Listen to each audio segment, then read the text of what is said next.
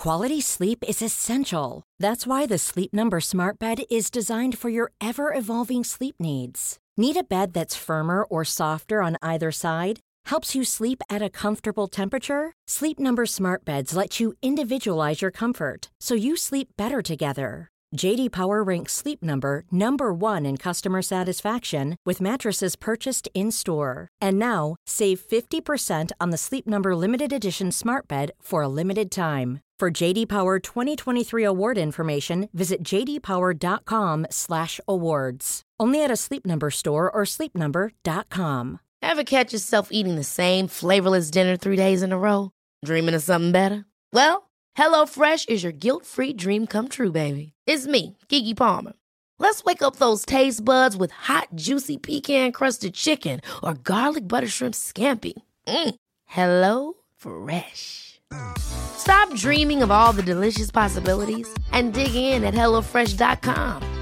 Let's get this dinner party started. Here's a cool fact a crocodile can't stick out its tongue. Another cool fact you can get short term health insurance for a month or just under a year in some states. United Healthcare short term insurance plans are designed for people who are between jobs, coming off their parents' plan, or turning a side hustle into a full time gig. Underwritten by Golden Rule Insurance Company, they offer flexible, budget friendly coverage with access to a nationwide network of doctors and hospitals. Get more cool facts about United Healthcare short term plans at uh1.com. I can discuss some of the psychological aspects of the case. You've got to get a hold of yourself. Now look here, Johnson, I'm going to get to the bottom of this. I can discuss some of the psychological aspects of the case. And you're really crazy, you know that? Oh, yes, I remember that. Is this any concern of yours? Stop, stop, stop it now. I mean it. Ja, hei, det er psykolog Sondre Livre her. Diagnosen er dessverre svært alvorlig. Det viser seg at alt du tenker og føler er feil. Du må for all del ikke stole på hjernen din, er via nevroser fra ubevisste avkroker. Hvis du følger nøye med, er det en liten mulighet for at jeg kan hjelpe deg. I discuss some the I discuss some the I discuss some the psychological aspects of the case. I'm just losing my mind, that's all.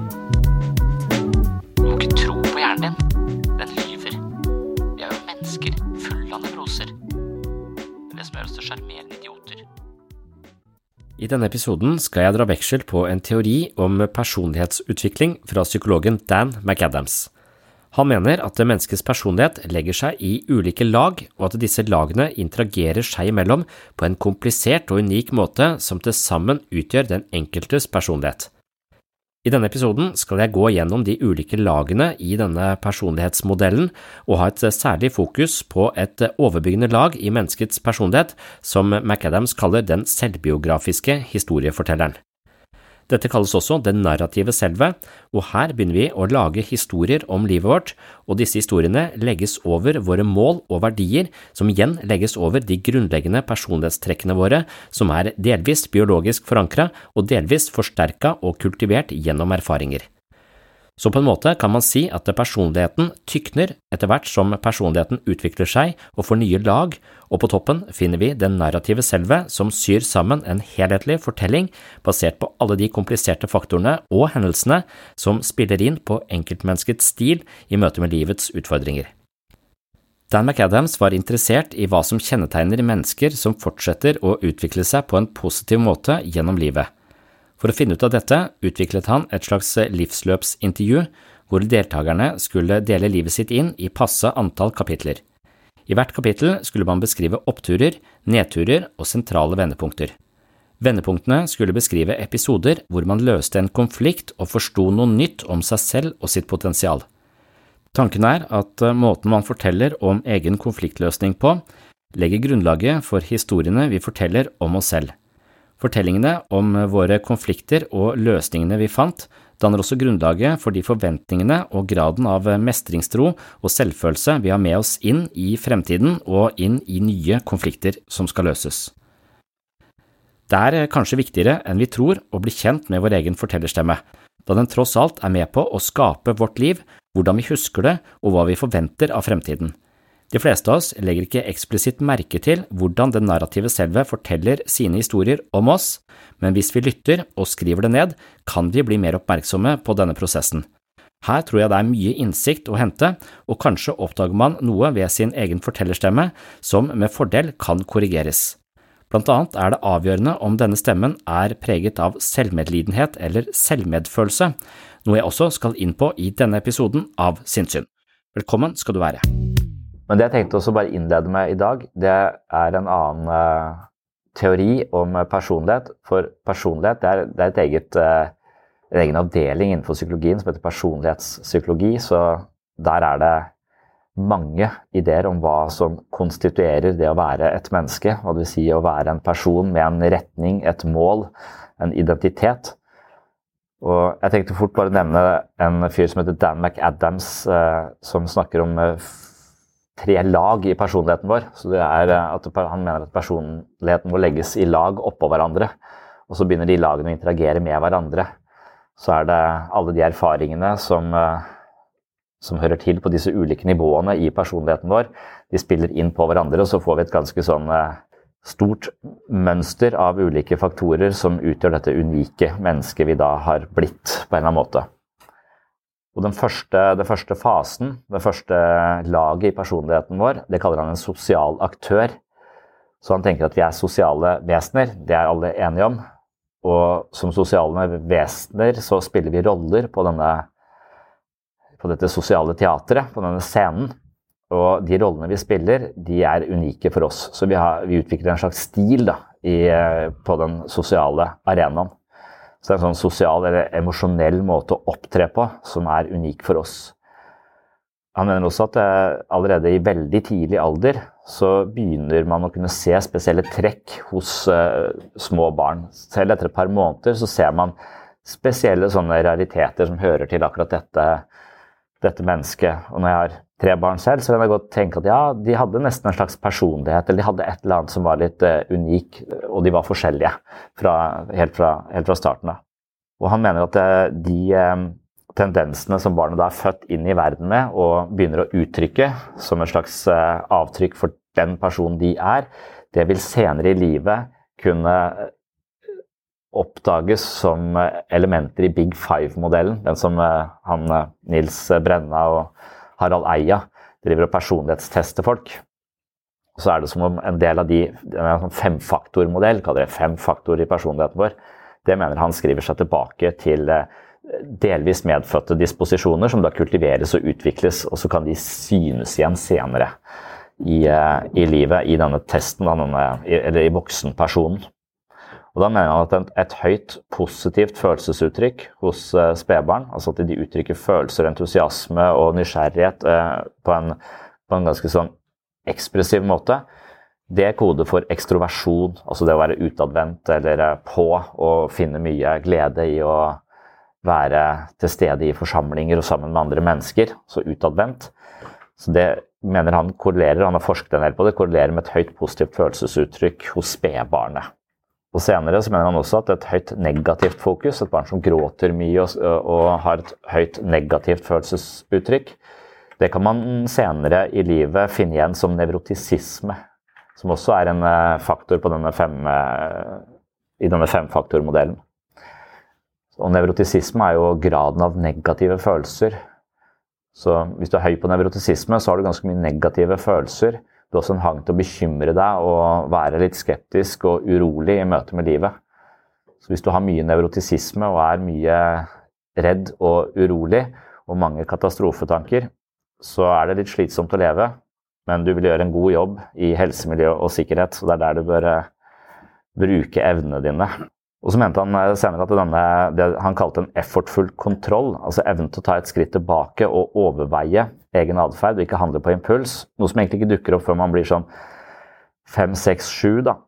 Men uh, at det uh, kommer senere et uttrykk i denne planmessighet og medmenneskelighet. Så planmessighet, altså barn som klarer klarer marshmallow-testen, da. Den der at du får denne, Vi har snakket om den.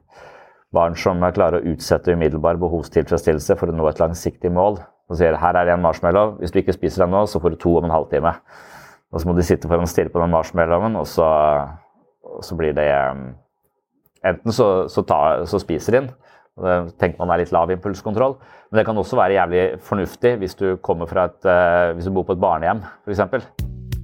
Ideen der er vel bare at hvis du klarer å, å tenke langsiktig og bruke kognitive strategier på å unngå denne fristelsen, sånn at du kan, du kan altså utsette denne, så får du to. Og Da er det jo dobbelt så stor sjanse for å få diabetes, f.eks. Så jeg vet ikke om det er så lurt i et sånt perspektiv. Men for et barn så er det men det, det, handler jo bare egentlig om dette med horisontproblemet. Klarer vi å unngå å gjøre det som virker eh, best for oss der og da, men på lang sikt kanskje ikke har en positiv Så det å ha kontroll på impulsene sine. Og det kommer til uttrykk i planmessighet og også medmenneskelighet senere i, i livet. Og så er det den siste faktoren som de ikke helt, helt har funnet noe sånn korrelat for allerede tidlig spedbarnsalder, men det er åpenhet. Åpenhet for nye erfaringer. Det er også en egen, eh, egen faktor i denne personlighetstesten. Og det å være åpen for uh, følelser, det å være åpen for nye erfaringer, det å ta en berg-og-dal-bane, like å utfordre seg selv i sånne ekstremsporter, være åpen for det. Eller være åpen for nye smaker. Altså Vi kan være åpen på mange områder. og Noen er lukka på noen områder og åpne på andre områder. Men åpenhet er også en egen, eh, egen faktor. da. Man kan også være intellektuelt åpen, dvs. Si at man er åpen for nye ideer. Man er følelsesmessig åpen, åpen for uh, egne følelser og andres følelser. Men det er man litt usikker på, så det, det klarer man ikke helt å spore tilbake til det første leveåret. Men der tenker jeg vi har andre teorier som kan uh, gjøre regnskap for det. I hvert fall når vi også snakket om sist at vi har et grunnleggende emosjonelt styringssystem. Hvor vi har et fryktsenter, vi har et panikksenter, vi har et, uh, et raserisenter, og vi har et senter som koder for interesse og iver. Så Vi snakket om det når det gjaldt motivasjon. da. Hvis man ser for seg en sirkel med en kakeform da, hvor, eh, hvor, du har fire, du har delt eh, pizzaen i, i, fire deler, så har du nederst til høyre så har du da 25 og Det er eh, panikksystemet. Ligger nede til, til, høyre. Og panikksystemet det koder bare for eh, Altså Panikksystemet handler om separasjonsangst. Det handler om den følelsen vi har av å ikke klare oss på egen hånd, være redd for å bli forlatt. Og som et barn så kan man ikke bli forlatt, for da overlever man ikke. Så man er avhengig av, eh, av flokken eller av foreldrene. Så når man blir forlatt eller det ikke er noen omsorgspersoner der, så vil eh, hele systemet aktivere panikksystemet, og da får vi en følelse av smerte. For produksjonen av endorfiner blir midlertidig stoppa, sånn at barnet faktisk får vondt og begynner å grine, så det påkaller seg oppmerksomheten til andre. Hvis du blir mye forlatt, så risikerer man kanskje å få mye energi bundet opp i panikksystemene. Og sjansen for at man da senere i livet også klamrer seg til andre og har ubehag med å si ha det, legge på eller, eller forlate, altså man er litt sånn for på. Så dette, denne frykten for å bli forlatt kan gjenta seg. Kanskje man er redd for å være aleine, kanskje man uh, har en partner man uh, tviholder på. altså Det kan komme til uttrykk på mange måter senere fordi man har noen erfaringer på å bli forlatt tidligere i livet. og Da, da er det sånne sensitive utviklingsfaser her òg, som, som, egentlig passer godt med det Freud snakket om. At det første 18 månedene handler om og nærhet til omsorgsperson. Så da er dette systemet veldig sensitivt, og det utvikler seg. Og blir du forlatt mye i de første 18 månedene av livet ditt, så risikerer du at denne muskelen som koder for panikk, blir velutvikla og sterk, og noe som du også tar med deg inn i voksenlivet og rett, lett reagerer med, med, frykt når du blir forlatt. Ja, her sånn så vil det sikkert høre til det første laget i det Dan McAdams kaller en sosial aktør. altså at Vi får en mal i møte med andre mennesker. altså Vi lærer å relatere oss på en eh, bestemt måte i kompaniskap med foreldrene våre. sånn at eh, vi, vi, da, hvis vi blir mye forlatt og har en usikker og må gråte mye for å beholde oppmerksomhet osv., så, videre, så så kan vi få en utrygg tilknytning, eller vi kan få en trygg tilknytning, eller vi kan få en uh, vaklende sånn uh, Vi ikke helt har noen fast strategi, eller så, så, der er det både sånne psykologiske, men også biologiske komponenter. Da, for de, de, mener at barn reagerer litt forskjellig på den strange situation test. Og det har nok med en slags medfødt disposisjon her. For noen barn kimser ikke så mye av det. Mor går, ok, jeg leker litt, så kommer hun tilbake igjen, greit. Uh, og, mens noen blir veldig uh, i alarmberedskap umiddelbart. Det er uh, forskjell på, på folk der. Altså at det er noe, noe kanskje noe vi har medfødt. Men så har du, du har panikksystemet og så har du fryktsystemet. og Det er også systemer som motiverer oss å trekke oss tilbake og, og være litt skeptiske. Så panikksystemet handler om å bli forlatt, eller frykten for å bli forlatt, mens fryktsystemet handler bare om reelle farer. Kanskje du har ja, du blir mobba på skolen, du blir banka opp. altså Du reagerer med frykt, for her er det en reell fare på ferde. Og de som opplever mye trusler av den typen, de vil ofte være mer unnvikende. Så den eh, panikksystemet, for mye energi der, det koder for en avhengig personlighet som klamrer seg til andre og er redd for å bli forlatt. Eller eventuelt avviser andre før de kommer for nært på, for den der frykten for å bli forlatt er så sterk, og den der eh, dynamikken i møte med andre mennesker blir så voldsom at den, eh, man bare innser, innser, at det der får jeg ikke til, så man i utgangspunktet ikke knytter seg i det hele tatt for å unngå den voldsomme panikken som oppstår når jeg merker at noen kanskje ikke er så interesserte lenger. Så er det mange strategier på det. Mens hvis du har for mye frykt med deg fra opp igjennom, så, så risikerer du Eh, mer en unnvikende personlighetsstil, som man kaller det. Og da holder man korta tett til brystet. Man vil ikke si så mye om seg selv. Man erfarer at andre har en eller annen skjult agenda. De vil jukse, lyve, ta deg, på en måte. Så du har masse mistillit. Altså, du blir ganske eh, du, du, er følelsesmessig kaldere. Du holder deg tilbake igjen. Og I verste fall kan du også utvikle en form for paranoid beredskap, da, hvor du mistenker alt mulig, mulig rart. Så det er fryktsystemet som for mye energi der kan kode for en unnvikende personlighet. Og så kommer du opp i raserisystemet, som er en proaktiv følelse. Så raseri er jo der for å, ifølge Freud, sånn treårsalder, statusorientering, jeg skal bestemme, fuck you. Og, at det er en sånn uh, livskraftig idé, men det handler om selvopprettholdelse. Raseri uh, og, og, det å sette grenser og markere seg og finne sin status i flokken. Så mye raseri, da skal du jobbe deg oppover i dette hierarkiet. Og hvis du har så mye raseri at du vinner over foreldrene dine og blir eh, administrerende direktør i familiesystemet AS i en alder av tre år, så er det ikke sikkert at du, du er den beste altså Det kan være ganske skremmende for, eh, for barn da, å merke at de vinner, for de vil også trenge grenser. For de har ikke utviklet kompetanse til å være leder for en familie i en alder av tre år, selv om de eventuelt kan få det.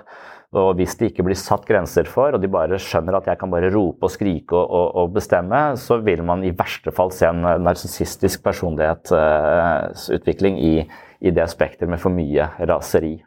Men raseri er jo ofte det, den følelsen som blir så hardt sanksjonert av samfunnet vårt og vanskelig å kanalisere, så veldig mange sliter med å klare å hevde seg selv og, og er heller redd for å bli forlatt. så Derfor så går de med kompromiss med egne behov og prøver å tilfredsstille andre hele tiden. Så det er en mer sånn eh, selvutslettende personlighetstype som er vanligst, i hvert fall i psykisk helsevern. For de der rasende folka som bare eh, tar plass og gjør sånn som de vil, og driter i regler og normer, de blir jo bura inn. Så de finner man i fengsler isteden. Og de får jo kanskje behandling der, da. Men det er vanskeligere å behandle. Og så har du den eneste positive følelsen, det er denne, denne eh, interesse og iver, som også er en grunnleggende emosjonelt styringssystem. Så det er interesse og iver, det som liksom drar deg ut mot verden. Men for at du skal være interessert i verden, så må du vite at du er trygg. Så du må vite at du har en trygg base, så du sjekker hele tiden tilbake på om det er en trygg base. Og hvis du har det, så kan du stimulere denne interesse og iveren. Og det er nok der den mest positive si, motivasjonen vår ligger. Og det er der vi også dette med åpenhet, da, at, vi, at, vi, kanskje kan være åpne på mange områder hvis vi føler nok trygghet til det. For da har vi lært at det er, det er greit å være nysgjerrig og interessert og finne ut hvem vi er i møte med verden, fordi vi føler oss grunnleggende trygge. Så Det er nok den, den delen av det emosjonelle styringssystemet vårt som er eh, absolutt viktig å få hjelp til. Men så tenker jeg kanskje at det er nettopp det systemet interesse og iver som undermineres i vårt samfunn, fordi vi hele tiden blir målt og veid, som vi snakket om sist. Så hvis vi hele tiden er opptatt av å, å få gode karakterer, så livet vårt ikke skal bli mislykka, så vil den interesse og iveren som man kanskje trenger som lek og sånn i, i, skolen, undermineres til fordel for en eller annen frykt. Så det kan nok hende at det, problemet vårt i vårt samfunn, selv om vi ikke lever i krig, er at vi likevel er motivert av mye frykt. For frykt for å feile, frykt for ikke eh, leve opp til alle de kravene som er rundt oss, og alle de standardene som er satt. Og Det er det Freud også snakker om. Så jo mer regler kulturen har, jo mer eh, legger det beslag på både dette raserisystemet, men også libidosystemet vårt, da, interessen og iveren. Så Freud mente at Han skrev en bok om ubehag i kulturen, som er hvordan vi på en måte Eh, kastrerer både raserisystemet og libidosystemet, sånn at vi blir eh, litt eh, flate, og da er det vanskelig å være motivert. Og når vi snakker om den indre motivasjonen, så tror jeg det er den motivasjonen som kommer fra søke- og lystsystemet, som det kalles, eller dette interesse og iver. Det er det systemet som er den indre motivasjonen. Mens eh, vi kan også gjøre ganske mye og være ganske motivert av å ikke feile, men vi er driftet av frykt isteden. Og det er en helt annet motivasjonsgrunnlag, da, som er mye åpenbart også mye mer ytrestyrt. Jeg er redd for å feile ut ifra en eller annen tilfeldig parameter som kulturen har satt opp eh, for oss. Så grunnleggende sett noen medfødte disposisjoner, som, som han kaller den sosiale aktøren, som kommer til å spille på lag med den rollen vi spiller i det sosiale landskapet, på en eller annen måte, eller den rollen vi spiller på den sosiale scenen.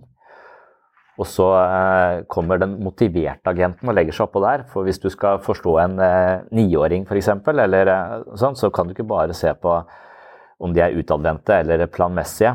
Du må se litt forbi de trekkene der sånn. Og også vite noe om den kognitive og sånn motivasjonsmessige infrastrukturen da, i, det, i, det, mennesket. Og det handler om hva de tror på, hva de tillegger verdi, hva slags mål de har, hva slags ambisjoner de har, hva slags agenda de har. Hva er, hva er det de liker, hva er det de ikke liker? Og det kaller han den motiverte eh, agenten. Så det mener han dukker opp i en sånn eh, syv, åtte, ni års eh, alder. Vi har eh, ønsker og drømmer og mål. Og også evnen til å mentalisere dukker opp da, så du forstår også at eh, andre mennesker har sine ønsker og mål og, og, og motiver. Så du får en innsikt i at andre mennesker også, også er intensjonelle individer. Da. så, og så vil det nok være i denne fasen hvor hvor man fester hva skal man si, libido, denne livskraften sin, på ulike ting. Om det er da ting som tilbys i kulturen, om det er fotball eller om det er eh, venner. Altså de, de, interessene. Og så får vi nok også hjelp av foreldrene våre til å peke seg i retning. Her er det mulig å feste interesse og, og mål og mening. Så Det er den motiverte agenten, og den handler også mye om hvor trygg du er. Så For å utvikle en, en sterk, motivert agent, og det er liksom det all utviklingspsykologi sier Hvis du er trygg nok, så er det den absolutte forutsetningen for å utvikle seg på en, på en, sunn, på en sunn, måte. Vi skal tåle en del farer, og, og sånn også, for vi trenger å få stimulert alle disse systemene. Men hvis du hele tiden går rundt og tenker at jeg må passe på at mamma og pappa ikke skiller seg, eller jeg må passe på at noen i det hele tatt tar vare på meg, eller jeg må passe på at jeg ikke får juling i skolegården. Altså Hvis det er fokuset ditt hele tiden, så vil jo interessen for uh, algebra dabbe av. For det er viktigere å overleve enn det er å være interessert i ting. Så, så den interessen og iveren den krever at man er grunnleggende trygg. Da. For Hvis ikke så vil uh, hele biologien vår prioritere andre ting. Du vil prioritere å, å, sørge for sin egen overlevelse, som det er bundet opp i frykt- og panikksystemer i mye større grad. Så Da kan du få en helt skakk utvikling. Så hvis barn er utrygge, så vil de få, en, eh, få altfor mye energi bundet opp i, i, energisystemer som trekker de tilbake og er skeptiske, istedenfor nysgjerrige og pågående.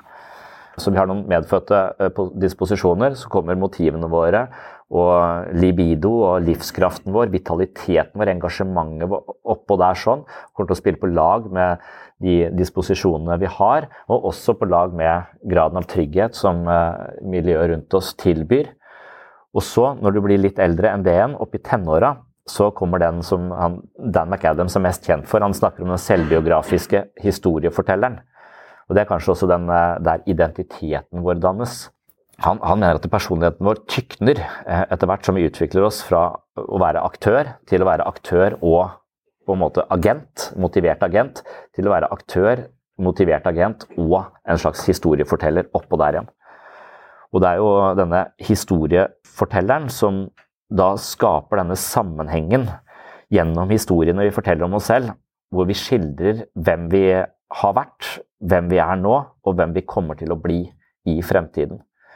Så der har du en slags kreativ komponent. Du har, en, du har, en, forfatter i deg, du har et forfatter selv nærmest, som uh, lager sammenhenger mellom det som skjedde i går, det som skjer i dag, og det du forventer kommer til å skje i morgen. Og hvis du har en god sammenhengende forståelse, så er det trygt, for da kan du forutse litt av hva som kommer til å skje i morgen, og du kommer til å forutse hvordan du reagerer i ulike situasjoner. Og det å fucke opp denne følelsen av sammenheng, sammenhengen mellom i går, i dag og i morgen, det vil være ganske vanskelig for oss. Det vil føre til eh, følelsesmessig store svingninger. Det kan også kanskje være det å være dement. Da, at du ikke helt klarer å, at Det er nettopp denne sammenhengen her som fuckes opp. og Man, man merker nesten at en som har utviklet demens, nesten endrer, endrer personlighet. Så det syns jeg er, eh, er kanskje den mest den narrative selve, eller den historiefortellende selve. Det er nok også der man tenker da identiteten er, for her har kulturen mange sånne tilbud. Det er et stort marked der med ting du kan være, ting du kan identifisere deg med. Så vil du kanskje finne en eller annen Jeg identifiserte meg med punkrock, f.eks. Det var tilgjengelig når jeg vokste opp. og det det tror jeg ikke var fordi det passet så godt med min eh, grunnleggende personlighet og motiver, men det var en slags motvekt til min flinkhet og frykt for å gjøre feil. Så, så var det som om jeg kunne putte en slags eh, litt røffere og litt mer vågal eh, element i personligheten min i en sånn fortelling om eh, at jeg var anarkist og ga faen. Jeg gjorde det motsatte av å gi faen. Jeg var redd for å feile på alle mulige områder og usikker på om jeg var god nok på noe som helst. Så jeg, ikke, jeg kunne ikke bære det, men det var som jeg latet litt som det, og kanskje jeg ble litt sterkere av den, av den fortellingen. Terapi kan jo sikte på ulike lag i personligheten. Da. Hvis du har en sånn grunnleggende frykt, og det gir seg utslag i fobier, for så kan du eksponere, du kan lære hjernen din til å ikke reagere med frykt i akkurat de situasjonene. Men en annen form for terapi kan jo også være å gjenfortelle historien om livet ditt. Fordi at du kanskje har en fortellerstemme som er negativ, eller full av negativitetsbias, som de kaller det. Sånn at du, du får en slags historiefortellende selv som hele tiden tolker ting inn i en eh, bestemt ramme som du ofte har adoptert fra de folka du har vært sammen med. Så det er jo hvordan du har blitt behandla av andre mennesker, hva slags stemme de har gitt deg om deg selv, som også danner på en måte valøren i den historien du forteller om deg selv. Så Hvis jeg har en følelse at jeg er verdt å elske og jeg er en kompetent person, så vil det være en del av mitt narrative selv. Og når jeg da driter meg ut, så vil jeg se på det som en slags uteligger. Jeg vil se på Det som, det er, ikke, det er ikke i takt med min person. Her var det noen elementer som gjorde det. Jeg ikke, hadde ikke trent nok, jeg var ikke helt forberedt. Jeg kan si sånne ting om de situasjonene hvor jeg feiler, sånn at det ikke blir en, eh, sånn at jeg bare sjalter det ut av den helhetlige fortellingen om meg. da. Hvis jeg har en negativ fortelling om meg, for jeg har fått mye kritikk og ting var aldri godt nok, selv om jeg sto på som jeg kunne, så kan jo ethvert feiltrinn tolkes inn ja, det er typisk meg. Altså at Jeg tolker det inn som en eh, naturlig del av fortellingen. Jeg leiter nærmest etter steder hvor jeg føler meg mindreverdig og feiler, for at historien skal henge sammen. Og Det er det som er så jævlig viktig for dette historiefortellende selve, er at det skaper en sammenheng som er fornuftig, tilsynelatende fornuftig. Og dette historiefortellende selve driter egentlig i hva som er sant, de vil bare ha sammenheng. Og hvis vi da har en eh, sammenhengende fortelling om at vi er mindre kompetente, så vil vi i verste fall iscenesette situasjoner hvor vi mislykkes bare for å få historien bekrefta. For det er så trygt å vite hvem vi er, for da kan vi regne ut hva som skjer i morgen. Og det er vel der denne terapien må sette inn. Altså, du forteller denne historien om deg selv, men den er jo sterkt prega av alle de erfaringene du har med deg. Så er du sikker på at den måten å fortolke nye situasjoner på inn i denne, eh, denne melodien her sånn, er så lurt. Går det an å endre litt på melodien her? Kan vi spille en litt mer lystig melodi, f.eks.? Og det vil kanskje, hvis du gjenforteller historien om, om, deg selv, så tror jeg kanskje det er der du oppdager at du eh, du er fanga i et narrativ som kanskje ikke tjener deg på noen god måte i det hele tatt. Da. Men det jeg syns var interessant med Dan McAdams, er at han har da eh, tatt for seg mennesker og Betty skrive en roman om livet sitt. Og Det er jo litt, det er litt av et forskningsprosjekt, men det var ikke fullt så voldsomt. Men han mente han hadde det han kalte et sånn livsløpsintervju, nærmest. Hvor han eh, da eh, ba mennesker om å gjøre livet sitt om til eh, kapitler. Og skulle fortelle, gjenfortelle livet sitt i kapittelform. var det viktigste som skjedde i det første kapitlet. Andre kapitlet var den største nedturen, var den største oppturen. Så han, han ba de skrive om, eh, om livet sitt i, eh, i, kapitler.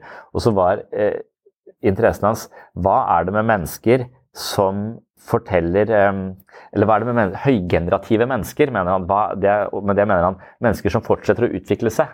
De som har en bevegelse videre, en positiv bevegelse i livet sitt og fortsetter å vokse på en positiv måte. Hva slags historier forteller de om seg selv? Det var det han var, eh, var interessert i. Og det syns jeg eh, var, eh, var interessant.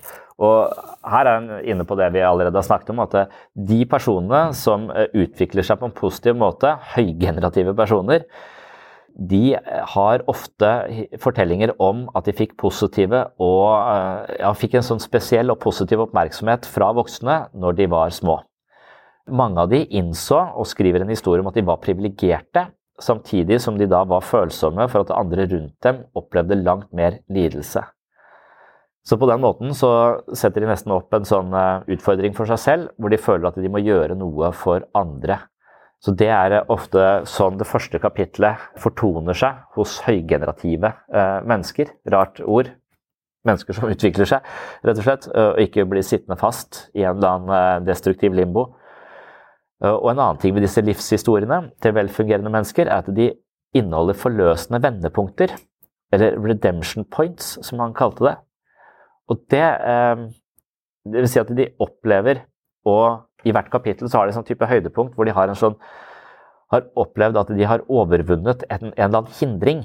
Og det kan være alt fra en streng oppvekst eller til en kronisk sykdom eller en negativ holdning, måter å tenke på.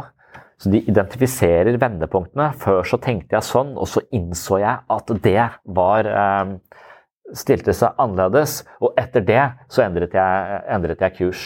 Så det er liksom sånne klimaks i fortellingene hvor det skjer noe med hovedpersonen som er transformerende. Så når man da forteller historien om livet sitt på, på denne måten, så, så, har de veldig tydelige sånne redemption points, da, eller eh, forløsende punkter. Og Det er akkurat det jeg også føler jeg hører fra mennesker som har si, fått noe ut av samtaleterapi er at de kan se tilbake, reflektere over, se og Så var vi i den fasen, og så jobba vi oss gjennom den fasen.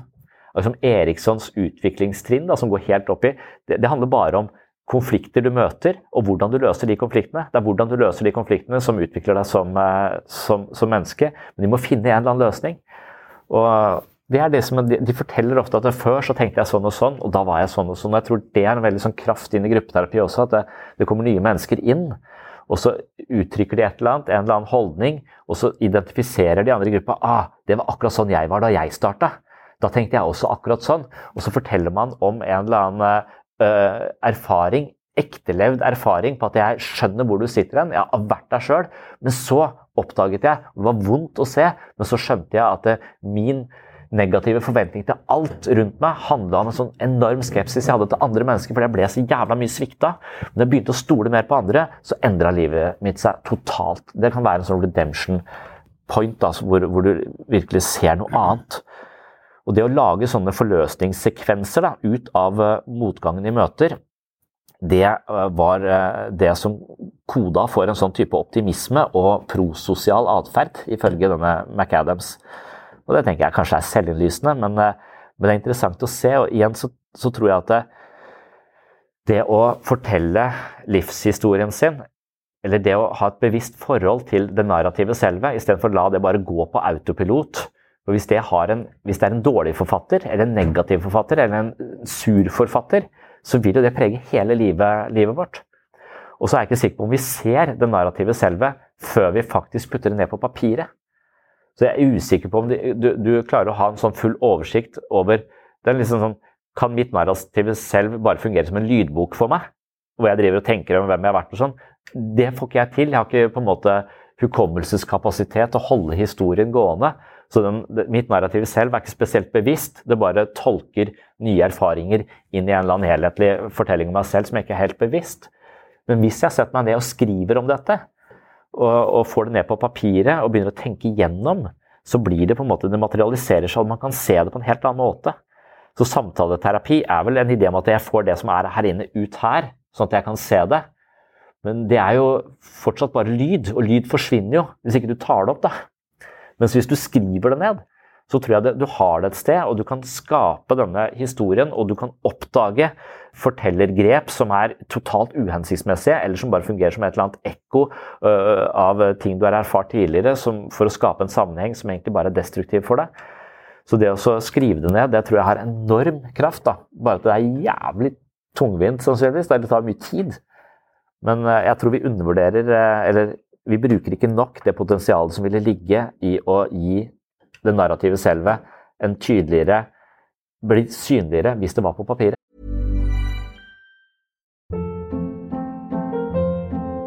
Hold up. What was that? Boring. No flavor. That was as bad as those leftovers you ate all week. Kiki Palmer here, and it's time to say hello to something fresh and guilt-free. Hello Fresh. Jazz up dinner with pecan-crusted chicken or garlic butter shrimp scampi. Now that's music to my mouth. Hello Fresh. Let's get this dinner party started. Discover all the delicious possibilities at hellofresh.com.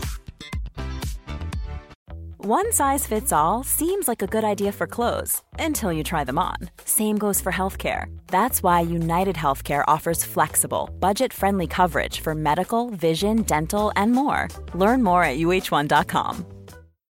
Millions of people have lost weight with personalized plans from Noom, like Evan, who can't stand salads and still lost 50 pounds. Salads, generally, for most people, are the easy button, right? For me, that wasn't an option. I never really was a salad guy. That's just not who I am. But Noom worked for me. Get your personalized plan today at Noom.com. Real Noom user compensated to provide their story. In four weeks, the typical Noom user can expect to lose one to two pounds per week. Individual results may vary.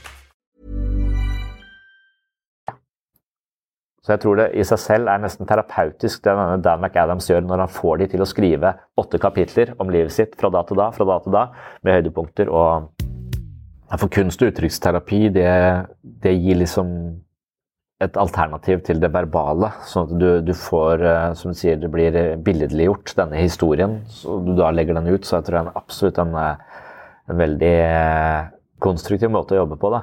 Når jeg jobba i ABUP, så hadde man sånn, sånn livstre eller et eller annet sånt, hvor man liksom tegnet opp hele livet og alt som hadde skjedd på et sånn svært rom, da, hvor man la en sånn tråd utover, og så la man forskjellige ting rundt der, skrev ned, altså, som symboliserte disse tingene. Så hele, hele familien fikk en slags oversikt over historien sin.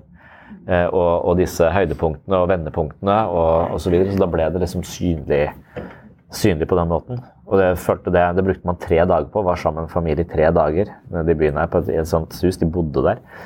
Det var ganske Det føltes uh, viktig. Og av og til når, når han Dan McAdam sier ordet 'personligheten tykner', så syns jeg det nesten er et godt uttrykk. For jeg føler at det som skjer, er at det, de ulike lagene i uh, personligheten din begynner å kommunisere og påvirke hverandre. Sånn at det, hvis du er mye utrygg, så vil jo den frykten som skyter fra de grunnleggende styringssystemene dine, vil jo påvirke forfatteren. Men forfatteren kan kanskje begynne å, å, lage en historie hvor du ble veldig skremt som liten, og integrere den litt overdrevne fryktresponsen din i en historie hvor han da langsomt klarer å påvirke nye erfaringer på sånn måte at her, vi reagerer ganske voldsomt, men egentlig så er det et ekko fra noe jeg har opplevd tidligere, så jeg kan dempe det litt, sånn at det, det narrative selve kan liksom spille på lag og korrigere de lavere nivåene. Og de lavere nivåene vil påvirke oppover, så de vil, de vil påvirke hverandre i begge, begge retninger. Det kan nok hende at det er lettest å påvirke det narrative selve, sånn at det liksom forteller en, en, en mer en mer troverdig historie og kanskje endrer fortellingen. Så noe terapi handler om å gjenfortelle historien om livet sitt, og så gjøre det på nytt og på nytt og på nytt, helt til man har en fortelling som er bærekraftig og man kan leve positivt videre på. Og så, så kan du også møte mennesker som jeg opplever bare har et narrativt selv, men det har ikke noe forankring i de lavere lagene, altså i følelsene, i de grunnleggende erfaringene som vi egentlig har glemt. Altså alt det materialet som ligger i det emosjonelle og i eh, livskraften, da, libido, aggresjon og alt dette her, det, liksom, det, det, har ikke noen kontakt med det narrative selve. Så det narrative selve driver bare også finner på nye personligheter hele tiden. Så er du nazist den ene dagen, og så er du antirasist den andre dagen, og så blir du satanist, og så blir du superkristen. Så du bare prøver ulike hatter på en måte, uten at det har noe forankring. Så du er sånn febrilsk på, på jakt etter hvem er jeg? Og så, så lager du bare historier, eller du bare egentlig kjøper historier som er tilgjengelige i kulturen din, da, uten at de egentlig får noen eh, Du klarer ikke å forankre de i deg. Du klarer ikke å lage sammenhengen mellom de ulike nivåene. Så jeg tror kanskje harmoni mellom alt det vi har opplevd, og hvordan vi eh, identifiserer oss som menneske, er det vi kanskje er ute etter, og det vi ser på som en solid person. For vi trenger en sammenhengende fortelling, men den fortellingen må også spille på lag med hvordan vi føler og reagerer osv. Og så kan kanskje, når vi har fått en dyp innsikt i det, da, hvordan vi reagerer, hva vi har erfart, og hvordan det har skrevet seg inn i vår biologi på en måte, og av og til som algoritmer som ikke tjener oss i det hele tatt, så kan vi kanskje begynne å fortelle om de, og hver gang vi har fortalt om de, så har de blitt litt synlige for oss i vår egen bevissthet. Men hvis vi har skrevet de ned, så har de i hvert fall blitt synlige, for da står de der også, i tillegg til det vi har i bevisstheten vår. Eller tegna de, da. Eller malt de. Så har vi de der, og så, og så vil det kunne hjelpe det narrative selve, vil kunne hjelpe å korrigere noen av de erfaringene som har vært destruktive, traumatiske for oss, sånn at de ikke gjentar seg gang på gang på gang på gang. Og det er litt det som er PTSD, er jo at eh, du plutselig får reaksjoner som ikke kan integreres. Du blir livredd i en situasjon som er totalt ufarlig. Du får et flashback, og du tror plutselig at det, denne situasjonen er en krigssituasjon. Fordi at du har vært i en eh, sånn, eh, sånn tidligere. sånn at du, Det er sammenhengen som blir fratatt deg. Du skjønner ikke 'Å ja, nå reagerer jeg med frykt for at dette ligner', men det er ikke den samme. Du har ikke fortellerstemmen som klarer å skape den sammenhengen raskt nok til at du bare er tilbake der du var. Og da, da, må de minnene integreres på en sånn måte at de blir en del av historien din. Og de kommer til å gjenta seg, men, men ikke som om at du er tilbake i krigen. Bare, det er et minnebilde som er veldig, veldig sterkt. Så å integrere det også vil være Det, er jo da vi bruker det, det narrative selve. Men jeg tror innsikten på en måte i uh, psykologien er at det narrative selve det mener kanskje å forholde seg til en eller annen form for virkelighet, men det er omtrent like kreativ som en uh, fiksjonsforfatter. For at nettopp vi har ikke hukommelse fra livet vårt. Vi har fortolket det ut ifra en situasjon vi var i, ut hvor mye vi hadde spist, hvor vi var på det tidspunktet i livet, hvor mye vi skjønte av oss selv.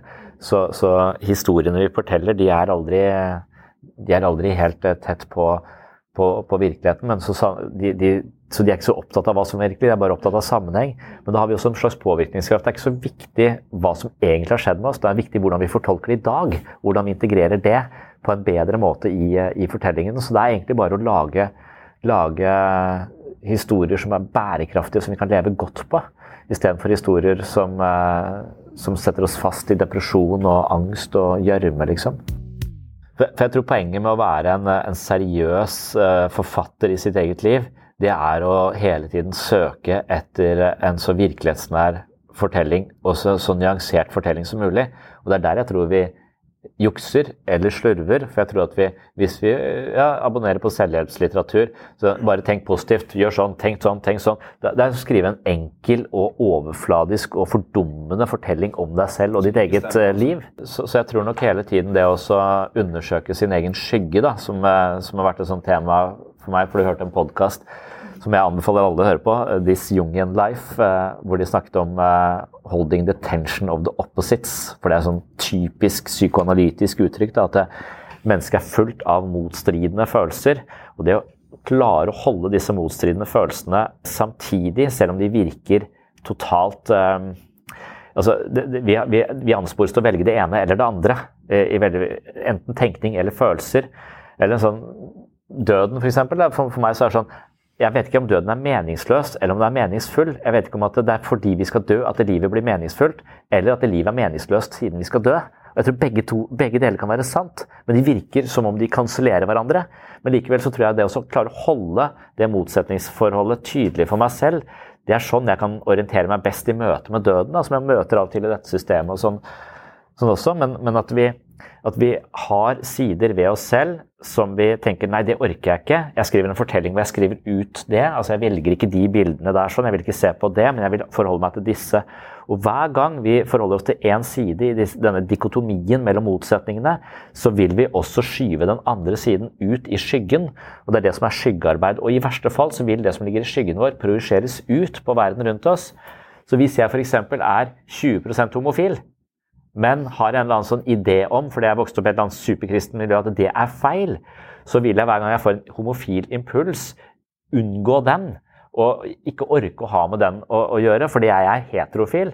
Og så vil jeg eh, på en måte kanskje projisere det ut, melde meg inn i en sekt som er jævlig opptatt av hva andre folk gjør hjemme, og hakke løs på det, som egentlig er en indirekte hakking på elementer i meg selv jeg ikke erkjenner.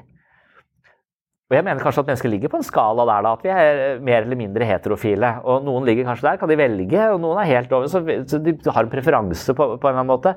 Mens, mens, hvis vi ikke orker å se ting som en skala, altså at det er nyanser, vi kan ha forskjellige perioder i livet hvor det er forskjellige ting, altså sånn så at vi er enten-eller.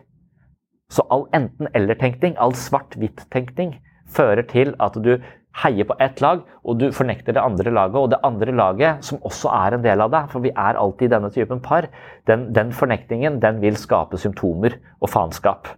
For deg sjøl eller for andre. I verste fall så prioriterer du det ut, da, og så, så angriper du det der, der ute. Og noen ganger så blir vi bare i vår kamp mot vår egen impuls, så blir vi den impulsen vi egentlig har uh, hater. Altså det, det, vi unngår å se på, det blir vi til slutt. Så du kan ha en podkast være eksempler med folk som, som er sånn ihuga opptatt av uh, ikke-voldelig løsning på konflikter. Og de er så opptatt av det ikke-voldelige at de er villige til å gå i krig for det ikke-voldelige. Og så ble det plutselig det de var imot på et eller annet tidspunkt. For du er ikke du, du, anerkjenner ikke disse polene som, som river og sliter i deg. da. Og, det er så mange sånne konfliktpar i, eh, i mennesket. Orden og kaos er et uh, konfliktpar som vi hele tiden driver og baler med. Nå leser jeg hun Siri Gullestad med denne uh, 'Å elske den man begjærer'. Der er det altså en eller annen konfliktpar mellom, mellom, det å begjære noen og elske noen, som ofte er vanskelig å håndtere. Det er vanskelig å begjære og elske en person samtidig. Så ofte så begjærer du da folk utenfor familien, som heter utroskap, og så elsker du den sammen med Så, så vi, klarer å, vi, klarer ikke å, holde disse konfliktparene oppe samtidig. Og det som virkelig er utfordringen til et lite barn, er å innse at jeg både elsker og hater foreldrene mine Og holde de to tingene samtidig i hodet sitt. Da da oppnår du nyanser, og da får du også nyanserte fortellinger. Så det narrative selve kan, kan skape en mye mer spennende karakter. Det er en mye mer eh, sofistikert fortelling om hvem jeg er, hvis jeg kan både hate og elske foreldrene mine. For da ser jeg nyansene i ting. Og lager, det er mye mer komplisert å lage sånne fortellinger. Det er derfor vi tyr til de enkle fortellingene. Vaksiner er eh, noe faenskap. Altså enkle, oppstylta, svart-hvitt forståelser av, uh, av verden er enklere å forholde seg til men de er også unyanserte. Jeg er ond, eh, du er god. Eller altså sånne, sånne, ting som vi er nødt til å spalte opp som små, da, som er dette forsvaret vi har. Og spalte opp verden i Siden mamma og pappa ikke tar vare på meg, så må det være jeg som er ond. De er egentlig gode, men jeg er ond. Så spalter vi opp det. Istedenfor å se at de strekker ikke til. De prøver å gjøre så godt de kan. De er både gode og onde. Og, og, og jeg eh, gjør så godt jeg kan, men jeg har også begge disse kreftene i meg. Så overtar jeg det onde, og så er de de gode. Og så lever jeg opp med en følelse av å være tilkortkommen og, og roten til eh, alle problemer. Og så bærer man, eh, bærer man det. Og hvis man ikke får et narrativ selv som klarer å skape en mer nyansert forståelse av din egen selvfølelse i dette tilfellet, da, så er du fucked. Da lever du med en, en, eh, med en ganske endimensjonal forståelse av deg selv. Så hver gang man blir veldig bombesikker på noe, eller veldig skråsikker på noe, eller veldig sånn kjemper for for eller annen, et eller annet perspektiv, så bør man være interessert i hva er det i motstanderperspektivet her som eh, også fins i meg, men som jeg er så lite interessert i å se på. Men noe annet som jeg også syns var interessant er at det, det, er jo folk som kommer i terapi f.eks., eller venner, de forteller De har denne narrativet selv. De forteller jo om seg selv på en bestemt måte. Og den er mer eller mindre virkelighetsnær. Og psykoterapi handler jo om å redigere fortellingen eh, om seg selv til at den blir mer innholdsrik.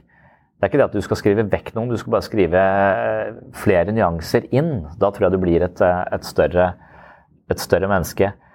Men eh, det er også noe med selve fortellerstemmen som kanskje gjør at vi, når vi forteller om oss selv til andre, enten får medfølelse og støtte og likhet med andre, mens noen fortellinger skaper bare avstand og irritasjon. Så det er noen mennesker som forteller om seg selv på en måte som, er, som ikke, ikke gir de det gehøret hos andre som de kanskje trenger. Da. For at vi nettopp er sosiale vesener som trenger hverandres anerkjennelse og bekreftelse. Og Der lurte jeg på om, om forholdet mellom det å være selvmedlidende og selvmedfølende kunne eh, kode for dette. For jeg har alltid vært interessert i det når liksom en møter mennesker. Altså, noen forteller forferdelige historier om livet sitt, og, så, og noen ganger så føler jeg ikke så mye. Eller jeg nesten blitt trøtt. Og andre ganger så blir jeg på gråten og kjenner veldig, veldig med de. Og de historiene, altså innholdsmessig, så kan jeg ikke Det, er, det er ikke innholdet i historiene som, som, genererer empati og medfølelse hos meg, eller ikke. Det handler ikke om, eh, om, graden av grusomhet i den andres historie. Det er ikke det som spiller en rolle her. Så det er, det er noe annet. Og da lurte jeg på om dette med selvmedlidenhet og selvmedfølelse, om det er det vi driver og, og nærmest um, fornemmer hos noen andre. da. For, for, hvis man bare ser på hva er selvmedlidenhet, da, så, så, er det som å marinere i sin egen uh, ulykke. Og når vi da uttrykker at noen er selvmedlidende, så er det ofte med litt sånn irritasjon og nedlatenhet. Noen ganger kan det brukes som en hersketeknikk. Nesten vi kan si at personer er eh, selvmedlidende for å bagatellisere lidelsen deres, kanskje fordi de ikke tåler eh, den lidelsen. Men selvmedlidenhet, det tapper jo folk for, eh, for, liksom, for krefter, og det skaper en opplevelse av å være isolert og frakobla. Så når jeg liksom prøver å finne litteratur på det, så sier de at det selvmedlidenhet det er setninger som 'ingen lidelse kan måle seg med min', 'ingen kan forstå hva jeg har vært igjennom', 'hvorfor skjedde dette med akkurat meg'? Det er jeg, meg og min som er selvmedlidenhetens credo, da, som de uttrykker det. Og det fører bare til følelser av sinne, bitterhet og resignasjon. Ja, Hva hjelper den for, da? Spriten? Ja. Spriten kan si at den spriten bedøver lukt- og smaksnervene. Sånn at jeg klarer å smøre meg med den der salven der, sånn, ellers så blir jeg helt dårlig. vet du. Det lukter jo ganske sterkt av den der. Du Tror du at du kan ta den linimentsalven, og så smøre med sirkulerende bevegelser rundt bekkenpartiet? Vil ikke ta i den smørja med en ildtang engang. Jeg gjør det sjøl. Ja, ja vel. Akkurat. Ja vel. Nei, du eier jo ikke medfølelse, du. Det er helt typisk, det. At det går an å være så kald overfor et sykt medmenneske som kanskje trenger litt kjærlighet og salve. Ja, ja, det er greit. Du er ikke noen mor, du. Du er ikke mor. Du er en ulvemor, du. Du, du er da bare blitt forkjøla. Det er vel ikke noe masa med det? Bare forkjøla, ja. Det er ikke noe som heter 'bare forkjøla'. vet du. Det er jo lett for deg å si, du som aldri er forkjøla. Jeg har hatt seks forkjølelser. jeg. Bare gi den til i år. Hva har du hatt, da? Du har ikke hatt én. Du har hatt en halv en. Det dryppet av det ene neseboret ditt. Jeg orker ikke å høre på det, men nå går jeg. Ja, bare gå, du. Jeg, helt, jeg, kan godt, jeg kan bare sitte her og vansmekte, jeg. Jeg kan vel vansmekte i hjel. Jeg bare varsler at når du kommer tilbake igjen fra bingoen, hva er det som har skjedd da? Da er ikke jeg her. Jeg sitter ikke her lenger, jeg, da. Da ligger jeg på gulvet der inne, stiv og kald med bena rett opp til værs. Bare så du vet det. Han han vansmektet til døde. Det skal stå i annonsen 'Omkom pga. vannsmekt'. Det skal ikke stå noe under annonsen. Ingenting skal det stå.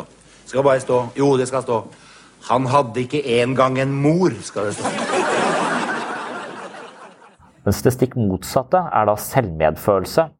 For istedenfor å tenke at jeg er så unik i min lidelse, så, opp, så, så, presenterer man sitt problem som lidelse er en naturlig del av livet. Lidelse er noe jeg har til felles med andre mennesker. Og alle har sitt å stri med. Og den typen tankegang den kan kanskje forvandle jævlige hendelser til noe som ikke kobler oss fra og gjør oss unike, men kobler oss få på fellesskapet. Og som den ideen vi har om at vi hører på depressiv musikk ikke for å bli mer deprimerte, men for å føle en slags tilhørighet i noe menneskelig. Og dermed så, så, så tror jeg at selvmedfølelse det, det gjør at vi har et litt sånn mer hevet blikk. Vi ser litt rundt oss, sånn at vår egen lidelse ikke er så fryktelig unik, og at eh, andres lidelse da heller ikke er så veldig fremmed. Så vi forstår andres lidelse, samtidig som vi ikke tenker at vi er helt, eh, helt unike. Og Det kalles man sånn felles medmenneskelighet. Da. Og jeg tror folk som forteller historiene om livet sitt med en felles medmenneskelighet, det gjør at jeg kobler meg på. fordi at det, å ja, sånn, Den type smerte den er jeg også kjent med. Jeg kan føle litt likhet i det. Jeg kan forstå det. Og det er liksom ikke inni en navle. Og så lurer jeg også på om det selvmedlidende er liksom passivt aggressivt. At det føler det fortjener masse uh, oppmerksomhet uh, og anerkjennelse og omsorg. Men så presenteres det ofte på en sånn Men det er ikke så farlig med meg, og ja, det er typisk meg, ja, nå skjedde det igjen. At du må presentere det på den måten de liksom stjeler min omsorg. Sånn at de, de, de, forventer å få en omsorg, og når den stjeles på den måten, eller manipuleres ut av meg, så blir jeg bare irritert.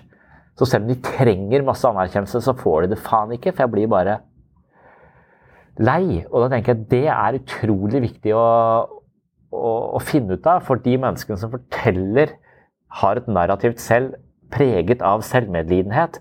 De vil jo aldri få det de er ute etter. De vil aldri få den connection med andre mennesker. de vil bli frakobla. Mens hvis vi ser det fellesmenneskelige i lidelsen, så kan det være et springbrett for å koble seg på. Det er to helt for, vidt forskjellige måter å forholde seg til smerte i, i livet på. Det tror jeg kanskje det, har vært det viktigste for min egen del. Å se hvordan forteller jeg historien om livet mitt. Og det er også sånn Det kan ligge litt på snikskryt. Snakket om tidligere da, at man vil ikke uh, fortelle hva man er stolt av. For er, det er ikke, da er man sårbar. Hvis man sier jeg er stolt av dette, dette skjedde med meg, så man sniker det bare inn. Så man indirekte krever at man, Oi, det var jo så, så, Men du har stjålet den. Du har stjålet den responsen, eller du har manipulert fram den responsen. Så det kan være at, de andre, at du er så god på det at du faktisk får det, men hvis man føler seg manipulert og gir den responsen, så syns man snikskryt er litt sånn uh, lite etterrettelig, og man sanksjonerer det ved å kanskje ikke, ikke berømme det. Så det er mer sånn å våge å være sårbar også på stolthet, f.eks. Men jeg, jeg, lurer på, jeg har selv prøvd å skrive romaner innimellom skjønnlitterære romaner. Det har gått til helvete. Men når jeg da prøver å lese noe jeg har skrevet for 20 år siden, f.eks., så ser jeg en sånn pompøs, selvgod, ganske arrogant fortellerstemme. Som, eh, som eh, jeg skjønner at ingen ville likt å lese. Så, så, lenge du er liksom fanga i deg selv og ditt eget perspektiv, så mangler du ydmykheten som er i det fellesmenneskelige. Altså den der følelsen at jeg er lik andre mennesker. Jeg er verken bedre eller dårlig. Jeg, jeg ligner de mer enn jeg er, er unik. Så den, der, den anerkjennelsen der sånn, den tror jeg skaper en type ydmykhet i, følelse, i møte med smerte og sånn, som, som gjør fortellerstemmen mye mer sympatisk og også ekte på en eller annen måte, Det står sånn fint i denne artikkelen jeg leste om det. En, en, felles medmenneskelighet kan fungere som et sett med briller som korrigerer selvmedlidenhetens nærsyn. Den selvmedlidende er jo, det er jo et egosentrisk perspektiv. Det var også det samme som jeg mener med denne tellinga og målinga av selv. at det, Vi blir så opptatt av oss sjøl og vår egen antall skritt, så det, det retter oss mot, uh, mot oss selv. så vi blir uh, ja, blir fanga i vår egen navle, på en måte, og det er ikke spesielt uh, sympatisk. Så idet vi løfter blikket, så, så, vil denne felles medmenneskeligheten kunne oppstå. Men det, det, kan jo på meg eh, ligne litt på en sånn slags psykologisk narkomani. At man hele tiden er ute etter en type anerkjennelse eller en bekreftelse på sitt narrativ. Sånn at man hele tiden prøver å manipulere folk til å bekrefte meg og min eh, lidelse men at det ikke egentlig har noe sted å bo. sånn at det er akkurat som å bare jage et skudd med heroin, på en måte, sånn at jeg får en sånn Idet du bekrefter den selvmedlidende på lidelsen sin, så føles det godt der og da, men så er jeg ikke i verste fall så renner det bare rett igjennom. Hvis det er en bånd i dette mennesket, så vil det kanskje fylle seg opp, og så vil man kanskje få det man trenger, og så, og så vil man langsomt eh, gå fra å være bare selvsentrert til litt mer orientert utad og se likheten med andre og koble seg på fellesskapet igjen. Men da kan det være med at man må gjennom en periode med metadon-type ting. At man, man, kan ikke bare slutte med heroin på dagen. Man må liksom begynne med mindre og mindre doser, så du kan gi litt eventuelt. da. Og så bare være litt raus og så gi litt. Men hvis du hele tiden bare gir det og gir det og gir det, og gir det, så føler jeg at du er en langer. Altså da, da fungerer du bare som en, eh, en person som bare gir mer narkotika. Kan hende de må ha litt narkotika en periode, men så må de trappe ned. da på denne sosiale narkotikaen som handler om å få eventuelt bekrefta sin egen vanskelige situasjon. Og i den grad jeg selv tenker at jeg har selvmedlidende trekk, sånn at, så, så, tenker jeg Jeg skjønner at takknemlighet er motgiften. Sånn som vi snakket om sist. Altså, altså hvis jeg, og dermed så er krigen i Ukraina er noe som skremmer meg, det er noe jeg tenker mye på, det er noe jeg følger med på hele tiden. Men det øker også graden av takknemlighet for ting jeg før tok for gitt litt. Så det er liksom disse litt større perspektivene. Så jeg syns, jeg syns altså, jeg syns alle andre nyheter er trivielle i, forhold, på sett og vis. Og så syns jeg kanskje at vi har lulla oss inn i noen sånne kulturkriger som folk er jævlig opptatt av. Om det skal bli kaldt ditt eller kaldt datt. Og så er det liksom Nå, nå ser vi hva som virkelig betyr noe. Dette, dette, dette nå må vi heve blikket litt, liksom. Og det er helt andre ting eh, på spill. Sånn, eh, så til takknemlighet er motgiften mot eh, selvmedlidenhet. Men helt klart, altså, hvis to mennesker som er selvmedfølende, de vil i sin lidelse også ikke trekke andre ned, men de vil, de, de vil gi lidelsen et uttrykk som kanskje den andre kan uh, også dra nytte av. Så, så jeg, jeg har, det er nyttig for meg å være sammen med mennesker som er selvmedfølende og lider, fordi de har et perspektiv. For jeg kommer til å lide på samme måte på et eller annet tidspunkt, som de kanskje ikke helt likt, men, men, men en tilsvarende.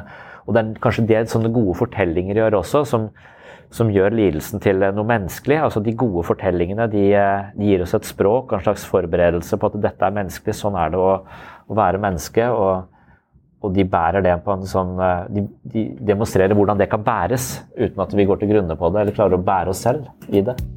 Det er jo synd at selvmedlidende mennesker sannsynligvis lever på et enormt underskudd og hele tiden higer etter denne oppmerksomheten eller anerkjennelsen eller omsorgen, og i måten de er på, ikke får noe av det. Ja, hvem er jeg, hvordan passer jeg inn i verden rundt meg, hva er min identitet, hva er min retning, hva motiverer mine livsprosjekter, hva gjør meg til et menneske på lik linje med og til forskjell fra andre mennesker? Dette her er store spørsmål, og det er spørsmål man altså utforsker i personlighetspsykologi. I dagens episode så har jeg da sett litt på disse spørsmålene, og denne gangen har jeg søkt svar hos denne teoretikeren som heter Dan P. McAdams og han snakket, som dere hørte, om tre lag i den menneskelige personligheten som legger seg på hverandre og interagerer på en unik måte som gjør oss til den vi er. Og hvis du vil høre mer om eh, personligheten vår og Dan McAdams, så har jeg selvfølgelig laget en episode til om dette, og den finner du i episode 81 som heter Myten om meg inne på patron.com for sinnssyn. Hvis du er blant de som finner verdi her på podkasten og ønsker å støtte prosjektet, så kan du altså gå til eh, patron.com for segs sinnssyn, eller inn på min hjemmeside webpsykologen.no med tanke på et bedriftsabonnement, og ved å abonnere på denne podkasten så får du tilgang til masse ekstramateriale, blant annet over 80 ekstra eksklusive episoder av Sinnsyn, masse mentale øvelser, et meditasjonsprogram, mine bøker som lydbøker og mye mer, masse videomateriell blant annet. Så hvis du vil ha mer sinnssyn hver uke og har et ønske om å støtte prosjektet, sånn at jeg kan fortsette å jobbe med sinnssyn på ukentlig basis, så er patron.com for segs sinnssyn stedet å gå.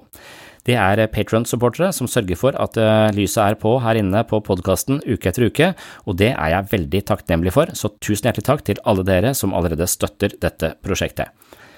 Hvis du jobber i en bedrift eller en organisasjon eller er medlem av en klubb som kunne tenke seg et eh, bedriftsabonnement, så er det også mulig ved å gå til eh, webpsykologen.no, og der finner du en beskrivelse av eh, tilbudet for bedrifter, og du kan også sende en henvendelse til meg på webpsykologene at gmail.com hvis du vil ha mer informasjon eller få et tilbud for din bedrift. Det kan ofte være smart å trene mentale muskler i flokk, sånn at man kanskje hører de samme episodene og eventuelt diskuterer de i lunsjen, og det er ved å være interessert og nysgjerrig på det som foregår inni oss og mellom oss, at vi kanskje kan utvikle sterkere mentale muskler, mer oversikt og mer sinnssyn, som selvfølgelig da også er målet med denne podkasten siden den heter Sinnssyn.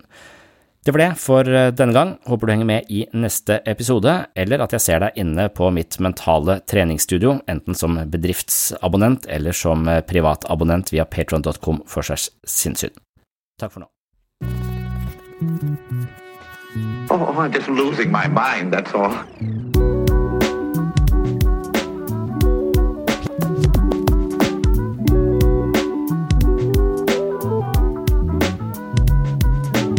I can discuss some of the I can discuss some of the I can discuss some of the psychological aspects of the case. Psycho, psycho, psychological aspects